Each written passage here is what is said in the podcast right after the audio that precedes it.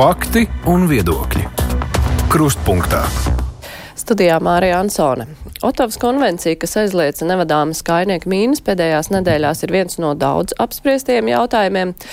NBS vadība ir pateikusi argumentus, kādēļ šobrīd izstāšanās nebūtu liederīga, bet pievienošanās vai atteikšanās no šādām saistībām ir saimnes jautājums. Tādēļ mēs šodien kopā ar saimnes deputātiem diskutēsim par šo ierobežojumu liederību. Jāpiemina arī, ka portālā Mana balss LV tiek vākti vēlētāji paraksti par izstāšanos no Otavas konvencijas. Tur parakstījušies nepilni 3,5 tūkstoši no nepieciešamiem 10 tūkstošiem vēlētāju, lai šī iniciatīva tiktu iesniegta saimā, bet parakstu vākšana, protams, turpinās.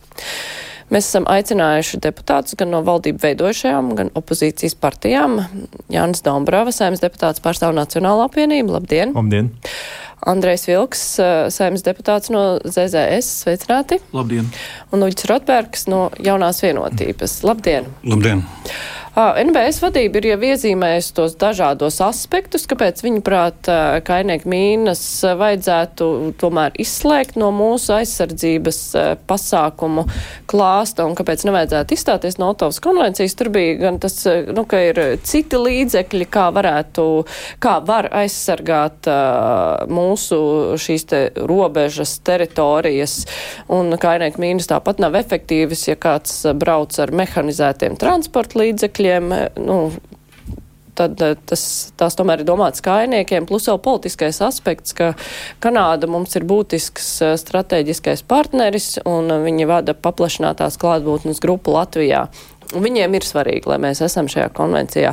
Vai ir pamats apšaubīt, vai varbūt ir kaut kādi citi aspekti, kas būtu jāskata, kā raudzīties uz šo jautājumu? Es varbūt uzreiz jūs pieaug, izlabošu, ka uh, Nacionālajie bruņotie spēki nesaka, ka no mūsu uh, militārajām spējām būtu jāatsakās no kainieku mīnām. Viņi vairāk uh, akcentēja uh, arī mums komisijas sēdē tieši šīs nevadāmās kainieku mīnas, nevis kopumā kā, kainieku jā, mīnas. Jā, bet par nu, tām Otavas konvencijā ir runa par jā, nevadāmajām kainieku mīnām. Un, un te ir vienkārši svarīgi to saprast, ka ir dažādi veidi šīs kainieku mīnas. Ir nu, tādas, kuras strādā uz radiosignālu, ir tādas, kuras strādā ar vada pavaišanas mehānismu, ir ar taimeru un ir šīs vienkāršotās kainieku mīnas, kuras strādā ar spiedienu. Un, nu, pamatā runa ir par šīm vislētākajām, visvienkāršākajām kainieku mīnām, kuras arī šobrīd ļoti plaši tiek lietotas kara darbībā starp Krieviju un Ukrainu. Un, nu, no mūsu Nacionālās apvienības skatu punkta te ir vieta diskusijai par to, vai šādas nevadāmās kainieku mīnas būtu nepieciešams mūsu uh, bruņoto spēku arsenālā, redzot, ka tomēr tās ir pierādījušas eh, pietiekami lielu efektivitāti eh, reālajā kardarbībā. Eh, un mēs redzam, ka šī diskusija būtu jāturpina. Būtu jāturpina gan Latvijas ietvaros, gan Baltijas valstu ietvaros par to, kas ir argumenti par, kas pret, vai ir iespēja virzīties šajā virzienā. Bet kā jūs redzat šo diskusijas turpināšanu? Proti, NBS vadība pateica savus argumentus. Kāpēc nevajag? Viņi ir izklāstījuši arī saimā. Kāpēc pietiek ar to, kas mums jau ir pieejams? Ko vēl diskutēt? No kādiem aspektiem es, vēl paraudzīties jā. uz to visu? Es, es minēšu piemēru.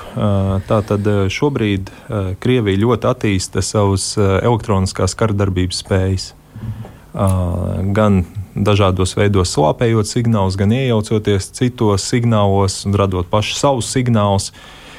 Gan uzbrukot kritiskai infrastruktūrai, un tam līdzīgi, tam līdzīgi mēs šīs metodas redzam. Un, uh, Te ir jautājums, kāda efektivitāte ir, nu, sauksim tos tās par gudrajām mīnām, elektroniskas kardarbības apstākļos. Vai, piemēram, pretinieks, ja lauks ir nominēts ar radio vadāmām mīnām, vai pretinieks nevar pirms uzbrukuma šīs radio vadāmās mīnas uzspridzināt līdzīgi kā nu, ir piemēram televīzijas pults, ar ko jūs ieslēdzat savu televizoru, bet nu, teorētiski var uztaisīt šādu televīzijas pultu kopiju, ar ko arī varēs ieslēgt jūsu televizoru. Nu, tāpat arī attiecībā uz šādiem palaišanas mehānismiem. Jā. Izvērtēt visus šos aspektus ir būtiski. Lai nodrošinātu mūsu karavīru, mūsu iedzīvotāju vislabāko aizsardzību jo mums uh, cilvēku resursi ir ierobežoti, mums katrs cilvēks ir vērtība. Un, mēs nevaram nu, tā pavirši attiekties pret šādiem jautājumiem. Ir jāizvērtē visi ieguvumi un zaudējumi, nu, kā mēs vislabāk varam pasargāt gan, gan karavīrus, gan iedzīvotājus, gan mūsu valsti apdraud, iespējamā apdraudējuma gadījumā. Kāds viedoklis ir kolēģiem valdību veidojušajās partijās? Jaunajā vienotībā uzskata, ka ir pamats diskusijai? Nu, kolēģis Jānis jau teica par šīm mīnām. Un, nu, tās, pa kurām runā Otovas konvencija, ir dumjās mīnas. Viņas nešķiro ne pretinieku, ne savējo, ne civiliedzīvotāju. Viņā, viņas iedarbojās vai nu uzkāpjot, vai nojot garām viņām tikai. Un tādā ziņā viņas ir nu, nediskriminējušas pret jebkuru kustošu objektu, kas tur ir. Un no visa kopējā tieši kājnieku mīnu klāsta šīs dumjās mīnas aizņem tur man liekas, dažs procents, vai ja ne vēl mazāk, kā mums ziņo NBS komandieris. Diskusijas mums vajadzētu saprast, ka viena lieta ir militāra rakstura, otra lieta ir reģionāla rakstura, un trešais ir starptautiskā politika. Un, ja mēs hipotētiski no, nomīnējam visu robežu, pieņemsim, nevienojoties ar Lietuvu un Igauniju, tad mūs var vienkārši apbraukt apkārt. Ja? Tad, tad tas ir jādara kaut kas kopēji. Un te es nerunāju par šīm dumjām mīnām, par visiem gudriem risinājumiem. Tas būtu šis reģionālais aspekts. Un kā jau Jānis teica, šī ir Otavas konvencija.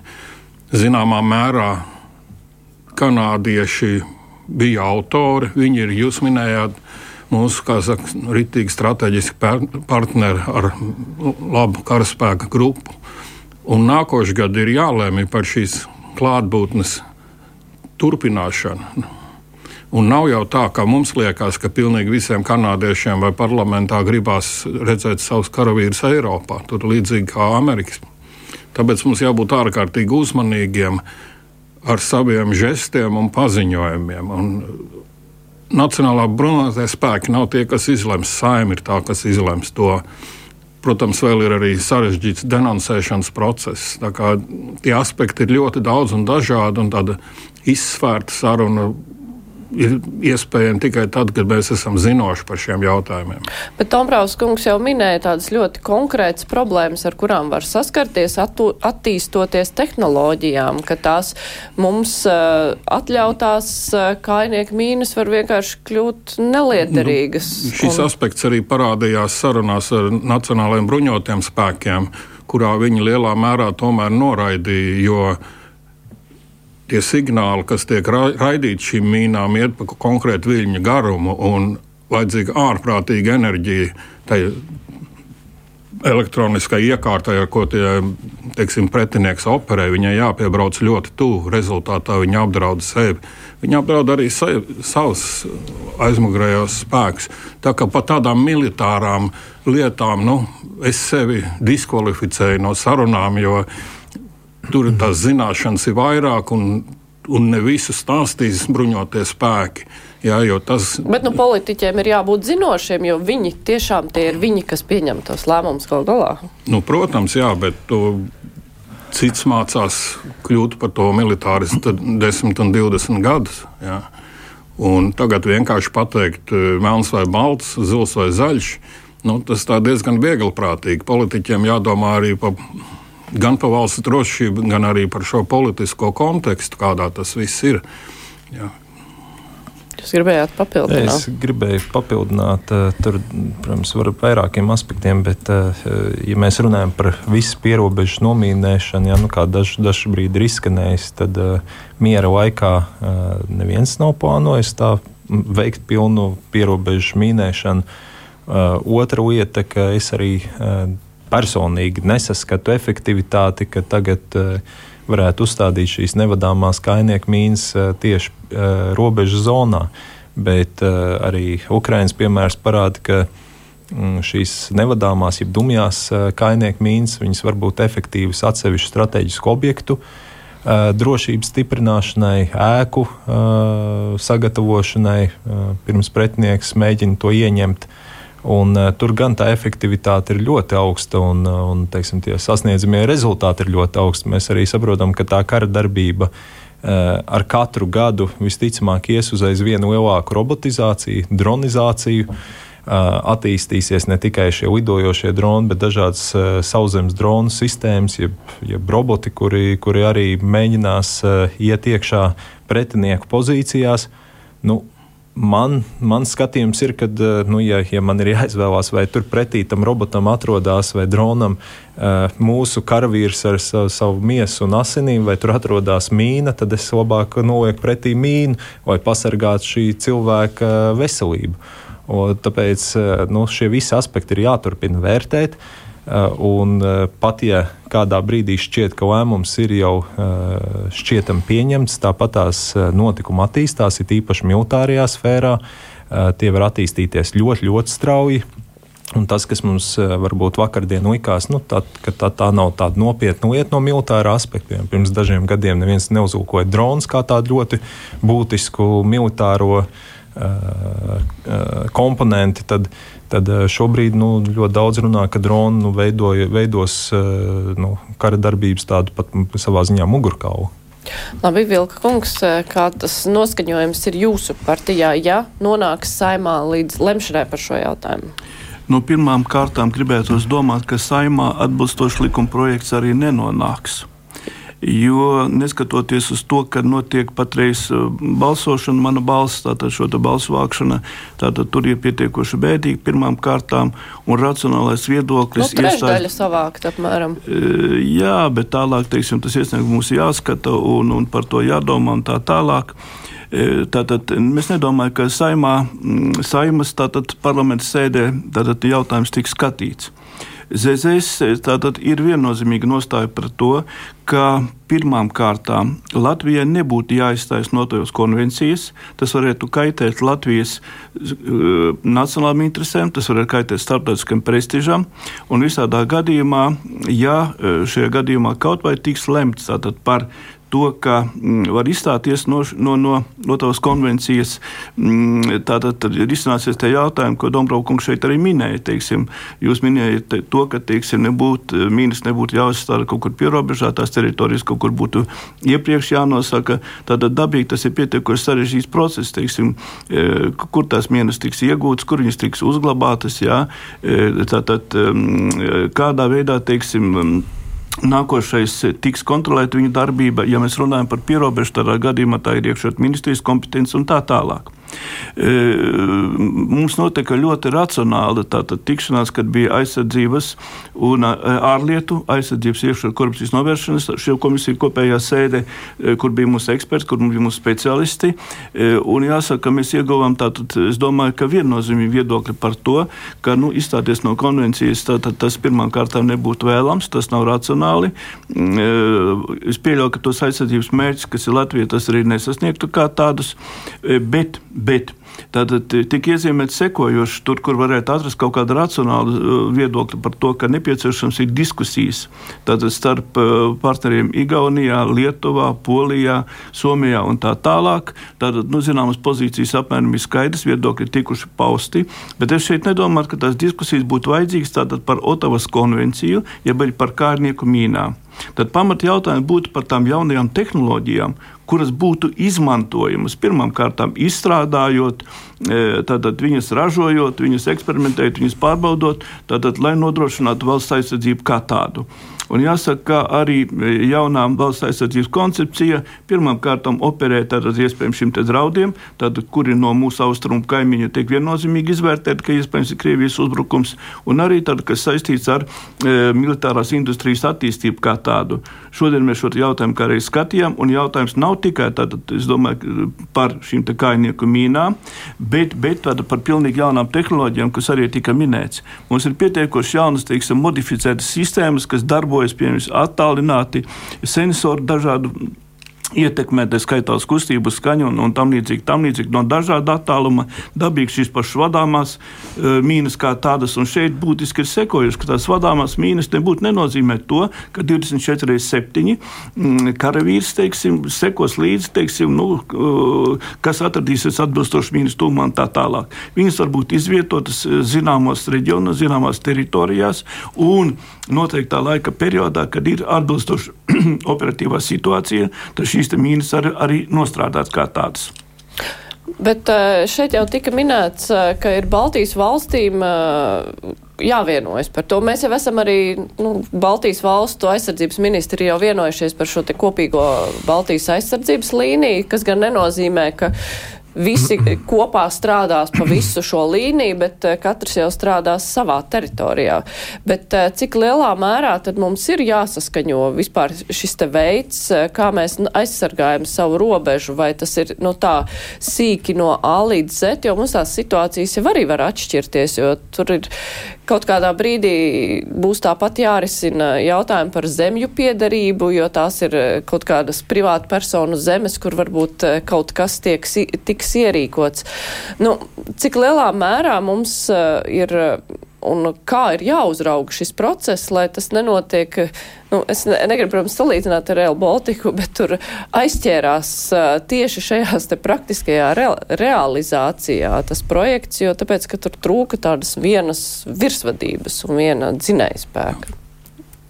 Vispirms jums, un jums. Es vienkārši gribētu atgādināt, ka nu, cilvēku domāšanas no eids ir tāds, ka ar kaut kādu vienu metodi var panākt kaut kādus sarežģītus rezultātus, kurus var piekrist kolēģim. Robeža tiks un tiek stiprināta ar daudziem un dažādiem risinājumiem, par kuriem, protams, saprātīgi nu, ne visu stāstīt, bet mums ir demobilitātes plāns, lai ierobežotu pretinieka kustību. Jā, ir, kā jau minēju, sensori. Visas šīs lietas, bet tā jēga tai sadarbībai ir tāda, ja ir kaut kur šausmīgi stiprs un tur tas pretinieks neiet, ir svarīgi, lai stipri ir arī kaimiņi. Piemēram, Lietuviešiem nav šī problēma ar zemju atsavināšanu, jo viņi restitūcijas laikā neatdeva zemi līdz robežai. Mums ir šī zemju atsavināšanas problēma, kas ir administratīvs akts. Ukraiņi, vakar man bija tikšanās ar Ukraiņu delegāciju. Viņi vienkārši ar likumu noteica, ka divi kilometri pieder saka, armijas vajadzībām, drošības vajadzībām, ka tur nav šī likuma varas atsavināšanas lieta. Tā ir tā jēga tai sadarbībai. Ja? Nevis, jo tiešām, kā jūs sakat, katram var būt sava izņēmuma. Vienam ir purvi, vienam mums ir Daugava, purvi, upes. Tādā ziņā Latvija ir nu, diezgan neizdevīgā situācijā dēļ tās zemes virsmas, kāda nu viņi ir un Igauniem varbūt tas ir vieglāk, un tāpēc mums būs jāpieliek lielāks pūles to robežu stiprināt un padarīt ne, neiekarojamu. Un vēl es gribu atgādināt, ka NATO ir nomainījis savu to doktrīnu.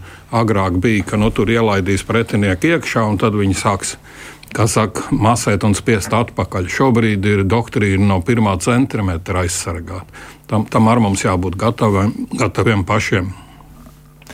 Jā, attiecībā uz valsts nosargāšanu, tad skaidrs, ka Latvijas geogrāfija faktiski pasaka to, ka, ja mums nav kopīga sadarbība ar Igauniju un Lietuvu, nu, tad ir ļoti sarežģīti nosargāt Latviju. Līdzīgi kāds bija 40. gadā, kad jau Lietuvā un Igaunijā atradās padomju karaspēks. Nu, faktiski padomju karaspēks jau pirms 17. jūnija atradās nepilnīgi 100 km no Rīgas pie šauļiem. Uh, un, uh, un tālāk, nu, tā daļa, kas brauc jau no, no robežas puses, jau pat vairs nebija tik būtiska. Uh, līdzīgi arī 44. gadā, kad padomju armija iebruka Latvijas teritorijā, viņi faktiski to izdarīja caur, caur Igaunijas dienvidiem. Tālāk jau ejot uz, uz Valmieras virzienā un, un tālāk līdz Siguldai un, un, un tam līdzīgi skaidrs, ka, ja mēs vēlamies stiprināt uh, mūsu drošību, tad ir jāsadarbojas visām trijām Baltijas valstīm kop, kopā, jo citādi nu, caur, caur teiksim, tā blakus valsti var apiet, uh, apiet uh, mūsu visdižāko aizsardzības uh, līniju. Un, uh, tur es redzu pozitīvu signālu, ka uh, šai virzienā mēs virzamies, cik ātri un ar kādu efektivitāti. Nu, to, to mēs redzēsim tuvākā laikā. Man dara bažīgu uh, Sprūda kunga izteikums, ka, ka nu, tuvāko desmit gadu laikā varētu notikt kaut kāds eh, progress šai virzienā. Manuprāt, tas laiks ir eh, pārāk ilgs iezīmēts. Nu, ne progress, bet tāds, ka, nu, ka mēs esam sasnieguši to stāvokli, bet kā jūs redzat, kā to var pātrināt? Nē, nu skaidrs, ka daudz, daudz lietas pātrinās, ja, ja notiek aktīvs darbs. Nu, šai gadījumā, ja tas ir koordinācijas darbs starp trijām valstīm, tas ir arī aktīvs pašu darbs, skaidri saprotot, ko mēs vēlamies uz robežas, robežas zonā uzstādīt, vai tie ir bunkuri, vai tās ir kaut kādas fortifikācijas būves, vai tie ir tiešām kaut kāda mīnu auga, neatkarīgi gudrās vai dumjās mīnas, pretdronu sistēmas. Nu, tam visam ir uh, jābūt pietiekami drīz šiem lēmumiem pieņemtiem, un vēl ātrāk viņus pēc tam ir jārealizē. Bet, nu, kādā, kāds ir tas praktiskais realizācijas termiņš, kādu jūs redzētu? Nu, Cik ātri to var izdarīt? Nu, ziniet, redzot, kā, kā mm, iekšot ministrijai veicās ar žogu būvniecību Nē, es, es domāju, es, es negribu nevis, prognozēt. Nē, nē, nē, es domāju, kā jūs redzat iespēju, nu, ja mēs tā labi strādājam, cik ātri to var izdarīt tādā ziņā? Nē, nu, ja, ja viss ļoti labi strādā, ja, nu, pasaules praksa rāda, ka to visu var izdarīt uh, gadu laikā, uh, izveidot, uh, teiksim tā, nu, pietiekami jau, jau spēcīgas nocietinājuma sistēmas. Nu, paskatāmies kaut vai šo pašu Ukrainas-Krievijas konfliktu. Uh, kur uh, abas puses ir ierakušās no aptuveni gada laikā un izveidojuši ļoti spēcīgas nocietinājuma pozīcijas.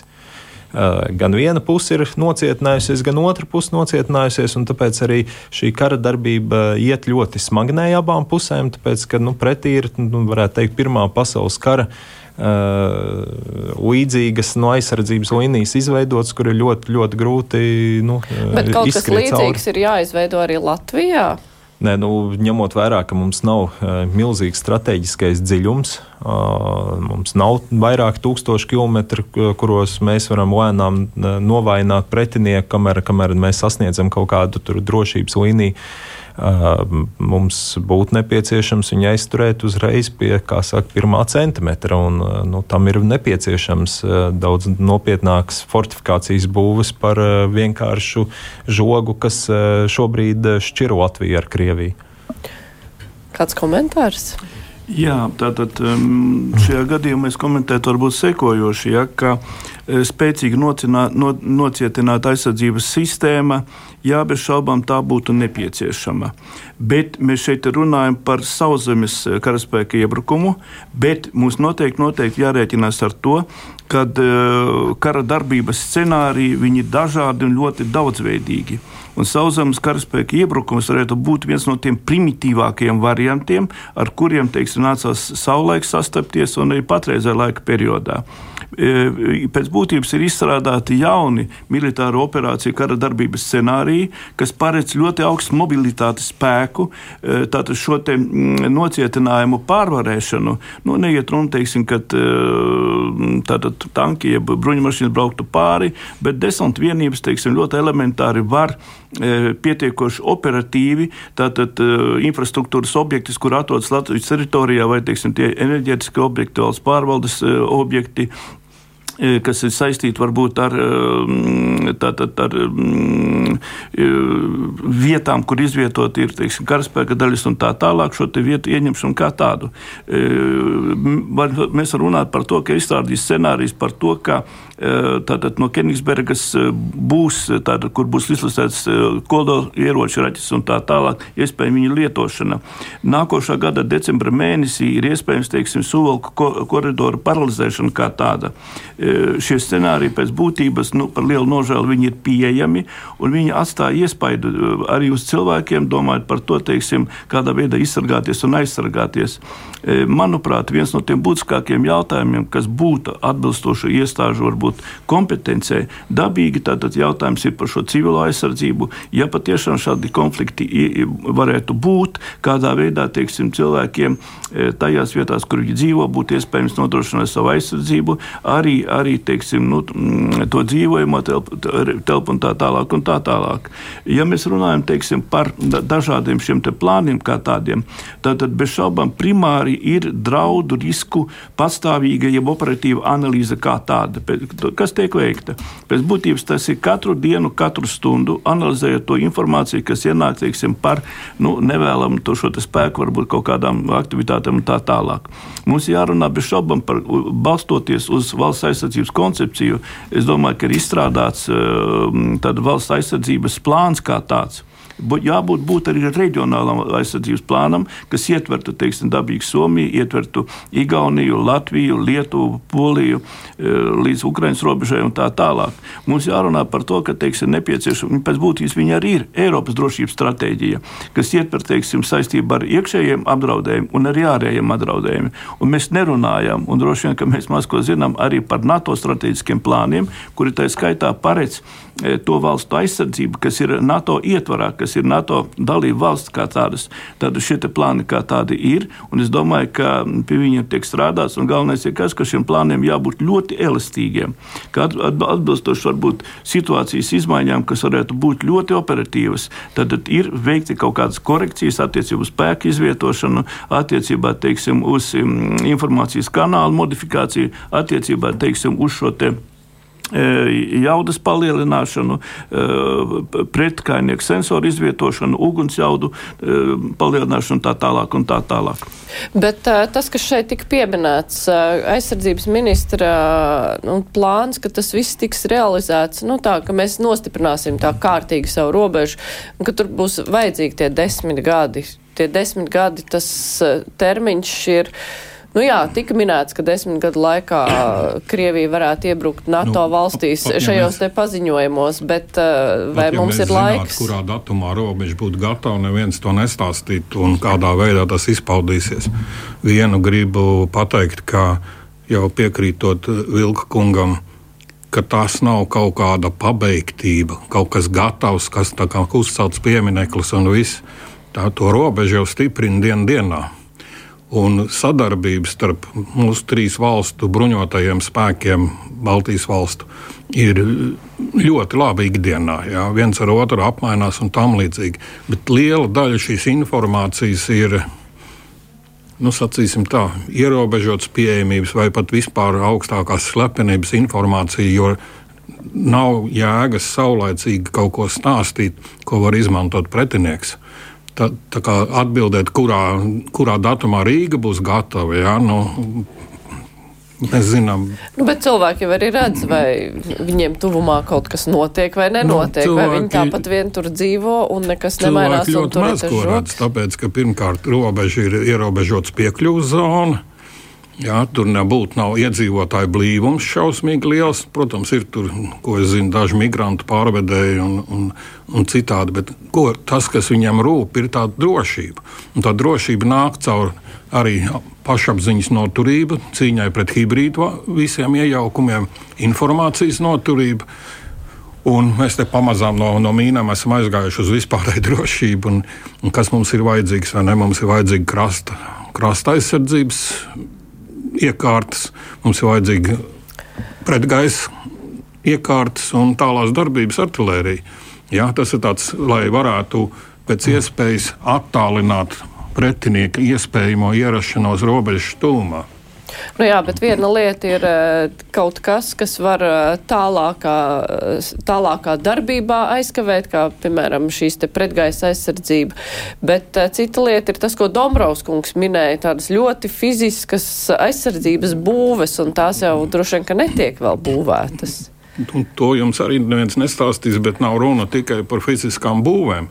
Ir runa par kritiskās infrastruktūras nojaukšanu, kas dem demobilitāte, ierobežot pretinieku mobilitāti, kur pretī, ja kolēģi teica, ir svarīgi, ka, tas, ka mēs skatāmies uz to robežu sargāšanu kā uz mūsu lielu mobilitāti un pretinieka mazu mobilitāti.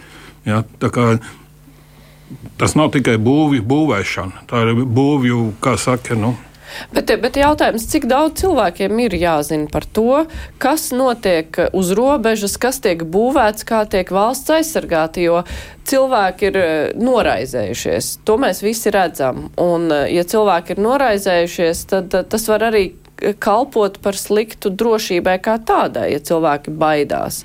Cik daudz mums ir jāinformē, ko mēs darām, lai nu, mēs nomierinātu sabiedrību. Pirmais un galvenais, man liekas, ir tieši civilā aizsardzība. Nu, civilā aizsardzība tas ir cits jautājums. Mēs gribam zināt arī, ko dara bruņotie spēki. Nu. Ja, es es uh, numur viens gribētu aicināt tomēr visus, kuriem ir atbilstošs vecums, kļūt par daļu no valsts aizsardzības. Un, tad arī nav, nebūs problēma atsevišķos gadījumos arī apmeklēt robežu. Un arī palīdzēt rūpēties par, par to drošību uz robežas. Jā, gan zemesardze, gan NBS ļoti bieži ir klātesoši uh, robežas tūmā un, un redz, kas tur notiek, kas tur nenotiek. Un, un, nu, tāpēc arī teiksim, tā, tie risinājumi tiek domāti.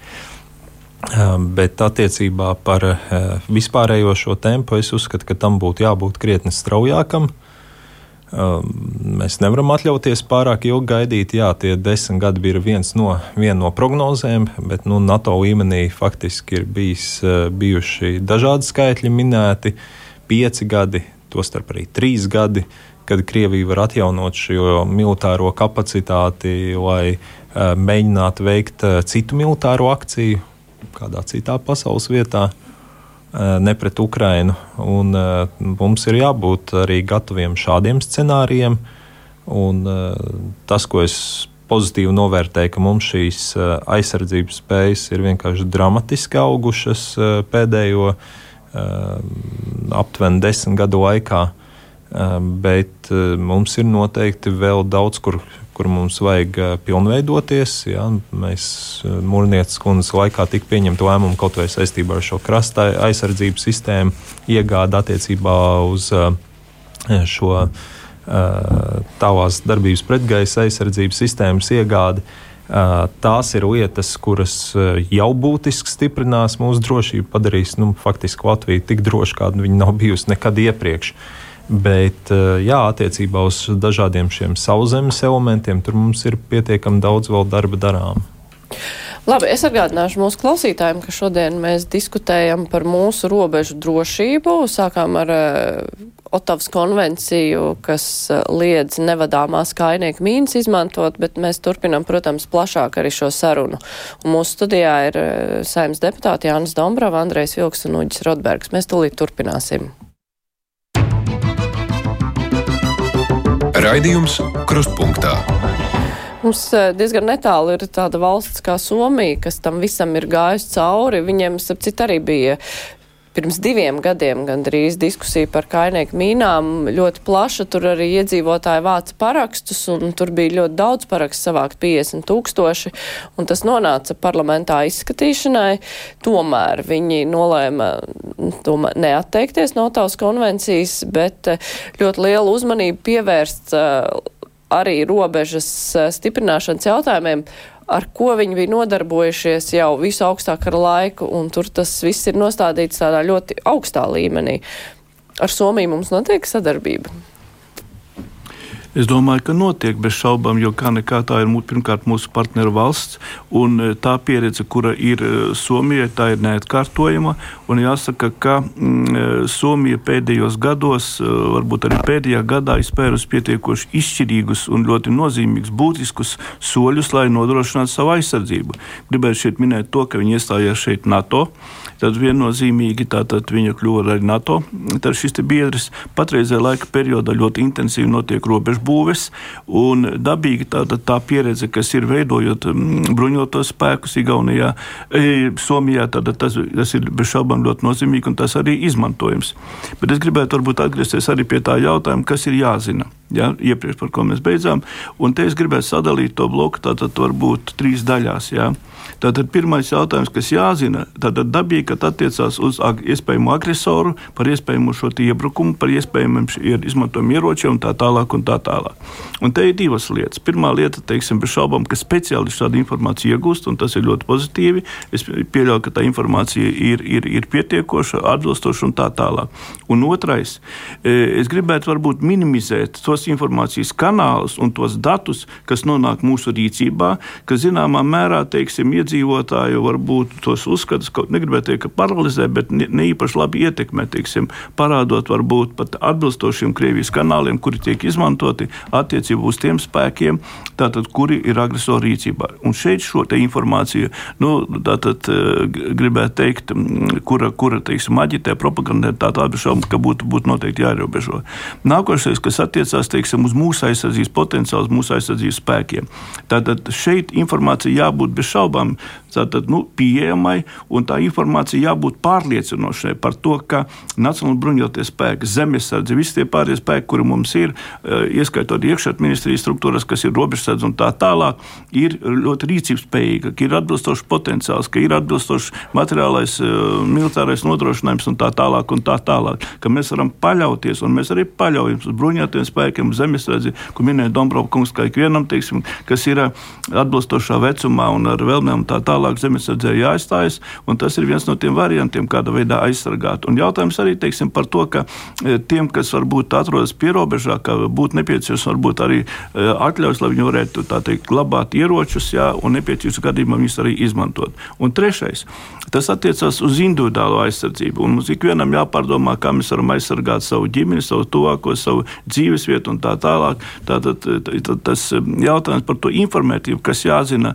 loks, saturs, ļoti būtiski, lai mēs būtu pārliecināti par to, ka mēs esam pietiekoši aizsargāti, lai sociālpsiholoģiskais fons būtu pietiekoši noturīgs, lai mēs būtu pārliecināti par to, ka mēs dzīvojam pietiekoši drošā, pietiekoši aizsargā, aizsargātā vidē, neskatoties globāl, globāliem satricinājumiem, riskiem, kuri mums aizvien it kā, it kā pieaug, bet mums jābūt pārliecībai par to, ka mēs esam aizsargāti un mēs esam pietiekoši droši. Nu, par to civilo aizsardzību te jau klausītāji ir norāda, ka par tām 72 stundu somām par tām ir gadiem runāts, bet vairāk ar nekas mm. nav, ka nav jau skaidrības par to, kur kas jādara, ka nav tādas visaptvarošas informācijas un saprotamas, ko tad darīt ar to 72 stundu summu. Tas jau nav tikai domāts individiem.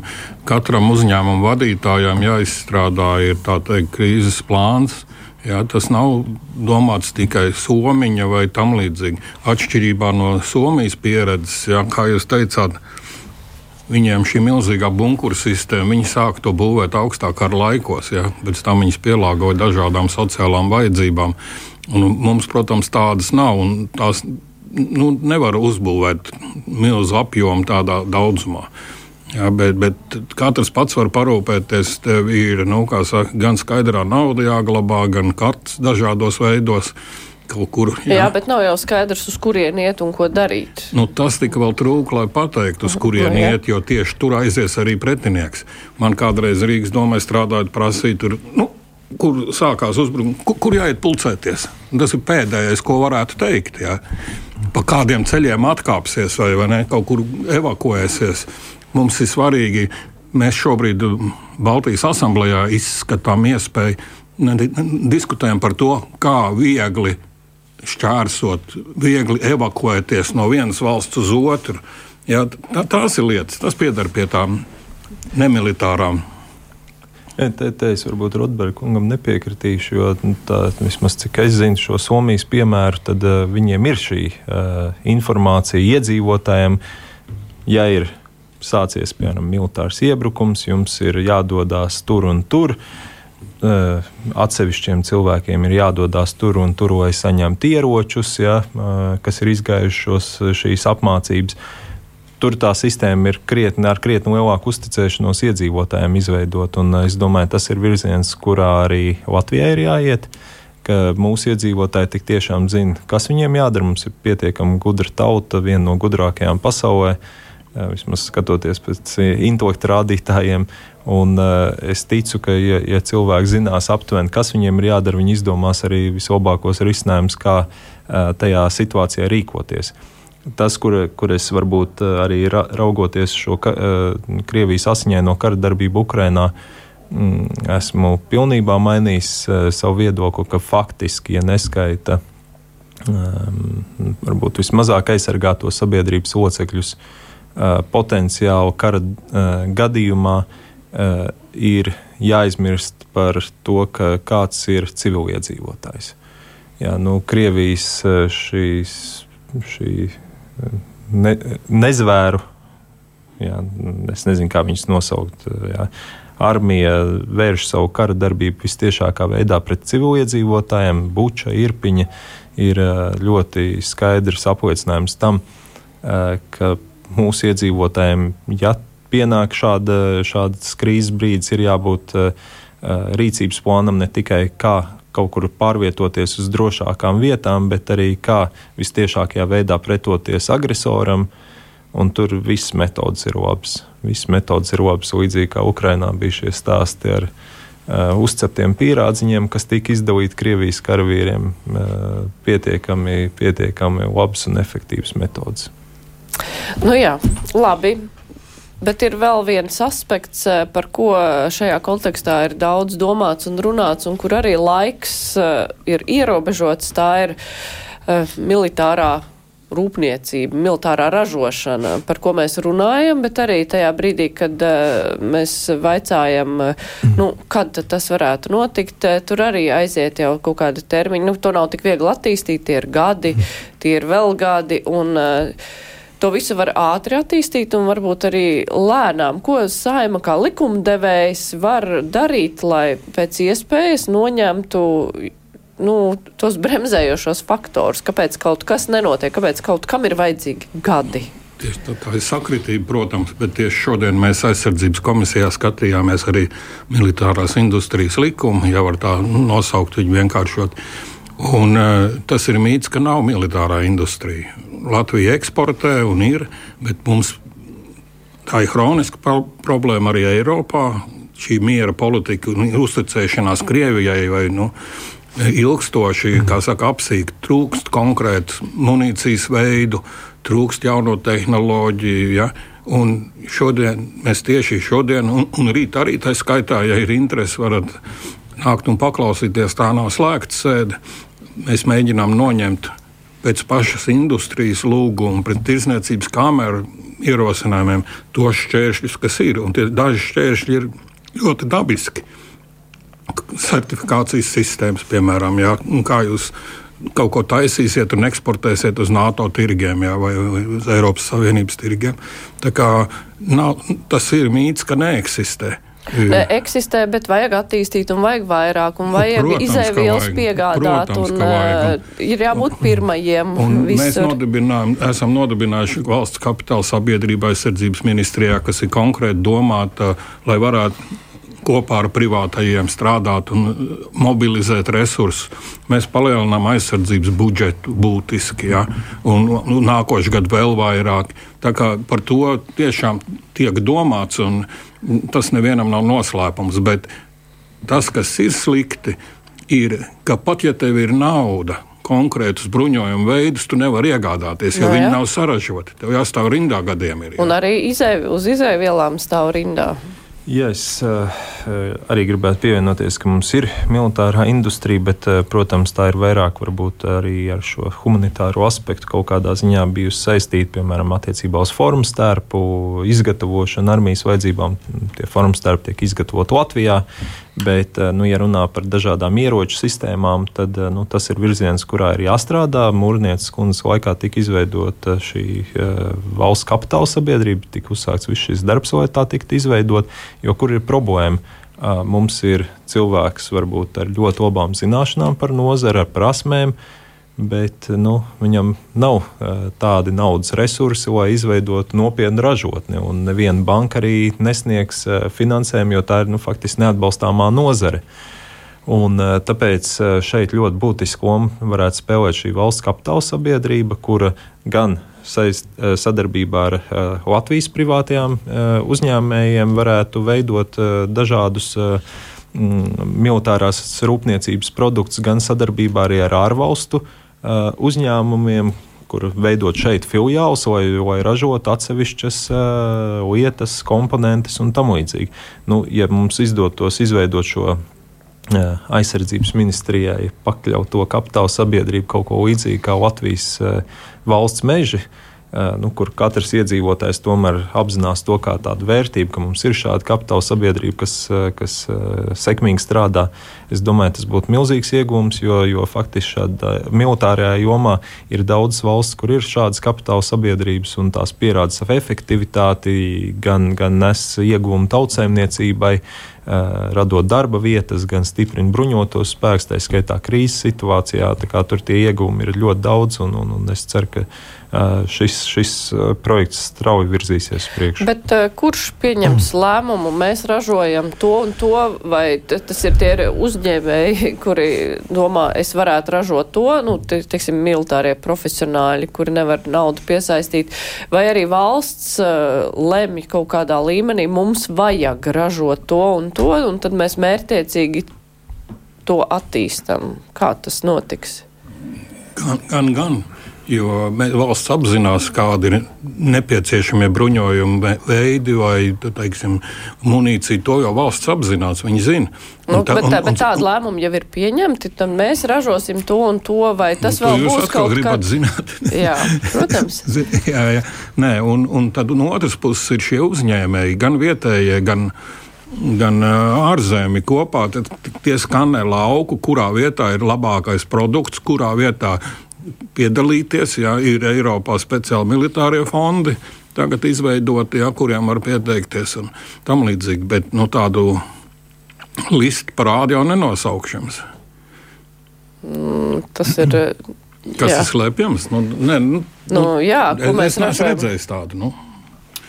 Es domāju, teiksim, ka atbilstoša lēmuma pieņemšana pirmām kārtām nav parlamenta kompetencija.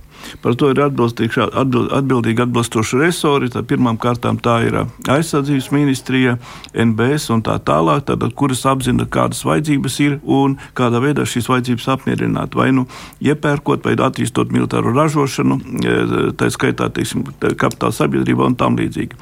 Pirmām kārtām gribētu minēt to, ka valsts aizsardzības sistēma pēdējos gados attīstās pietiekoši, pietiekoši strauji. Un mēs varam šeit runāt par valsts aizsardzības dienestu, par valsts aizsardzības mācības ieviešanu mācību iestādēs, kas būs obligāti no 1. septembra šajā gadā. Mēs varam runāt par valsts aizsardzības industrijas attīstību. Viņa patiešām nu, nosacīt lielākā mazākā apjomā mums ir. Mēs varam runāt par to, teiksim, ka mums ir pietiekoši, eh, negribētu teikt, ekscelences, bet labas drona ražotnes, eh, tad, kur šie droni tiek eksportēti eh, uz Ukrajinu, uz citām valstīm un tā tālāk. Mums ir atsevišķi munīcijas veidu ražotnes kā tādas. Ir tātad ražotnes, kas veido, var ražot divādas iz, izmantošanas izstrādājumus, vai teiksim, tas saistīts ar pārtikas e, precēm, ar citiem izstrādājumiem un tā tālāk.